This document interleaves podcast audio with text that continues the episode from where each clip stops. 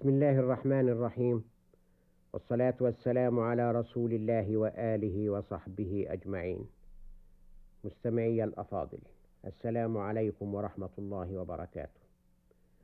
عرفت قريش فتى سموه بفتاها وكان أبرع من رمى بساه. ثم صار درعا من دروع الإسلام وأكرمه الله به. وكان معوانا لرسوله عليه السلام. وكان في الوقت ذاته عمة. ثم كان في النهاية سيد الشهداء. ذلك هو حمزة ابن عبد المطلب.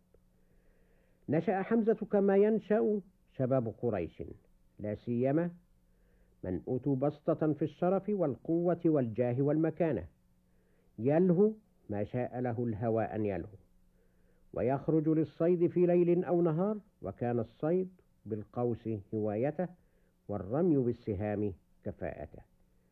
لا يعنيه من أمر الحياة شيء فأسبابها متوفرة بين يديه.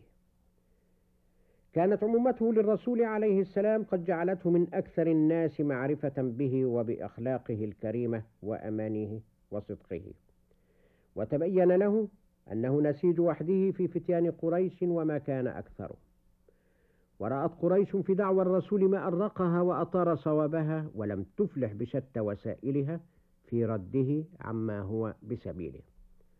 وكان حمزة يعرف بأمر هذا الدين ولكنه لم يؤيده ولم يعارض. وطمعت قريش في محمد وظنت أنه في غير منعه فزادت لجاجا وطغيانا حتى إذا كان ذات يوم والرسول عليه السلام عند الصفا إذ مر به أبو جهل فوجدها فرصة لينال من الرسول الكريم بالأذى فآذاه. وتطرق إلى الإسلام فاستهون من أمره. ولج أبو جهل في جهالته وجهله فانطلق لسانه بكل سوء. والرسول لائذ بالصمت لا يكلمه ولا يرد عليه. يسمع هذا اللغو وفحش الكلام ويمر عليه مر الكرام. لكن كانت هناك جارية لعبد الله بن جدعان تسمع ما يمجه لسان أبي جهل. وترى وهي لا ترى من أمر الاثنين ما لا يراه سواها وكان حمزة غائبا في الصيد وجرت عادته أنه إذا عاد من قنصه أن يطوف بالبيت قبل أن يدخل بيته. فلما رجع في ذلك اليوم وأخذ طريقه إلى الكعبة استوقفته جارية بن الجدعان وقالت له يا أبا عمارة لو رأيت ما لقي ابن أخيك محمد من أبي الحكم. قال وماذا لقي ابن أخي منه؟ قالت وجده أبو الحكم هنا جالسا فآذاه وسبه وبلغ منه ما يكره ثم انصرف عنه.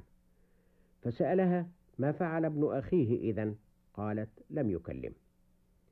حينئذ غلى الدم في عروق حمزة غضبا لابن أخيه محمد وانطلق إلى المسجد لا يلوي على شيء إلا أن يفهم أبا جهل من يكون محمد إن كان جاهلا. وأن يقتص منه جزاء ما جنت يداه وما نطق به لسانه من بذيء القول. ودخل حمزة المسجد فرأى أبا جهل فرفع قوسه وضربه به فشجه شجة منكرة. ثم قالها كلمة صعق لها أبو جهل ومن معه إذ قال أتشتم محمدا وأنا على دينه؟ ثم زاد حمزة في تحديه لأبي جهل إذ سأله أن يرد عليه ضربته إياه إن استطاع فما استطاع. بل إنه نهى من حاول ذلك ممن كان معه وقال لهم دعوه فإني والله قد سببت ابن أخيه سبا قبيحا. هكذا كان إسلام حمزة ويزيد ابن إسحاق على ذلك فيقول إنه لما أسلم حمزة عرفت قريش أن رسول الله قد عز وامتنع. وأن حمزة سوف يمنعه فكفوا عن بعض الذي كانوا ينالونه به. وفي بعض كتب السيرة أن حمزة ذكر أنه ندم على ما كان من فراقه لدين قومه فأتى الكعبة متضرعا لله أن يشرح صدره للحق وأن يدله عليه. قال فما أتممت دعائي حتى انزاح عني الباطل وامتلأ قلبي نورا. فعدوت إلى رسول الله صلى الله عليه وسلم فأخبرته بما كان من أمري وإذ ذاك دعا الرسول ربه أن يثبته في دينه فاستجاب الله دعاءه وكان حمزة أسد الله وأسد رسول الله.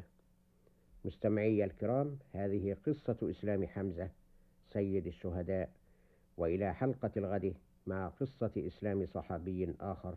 والله يرعانا ويرعاكم.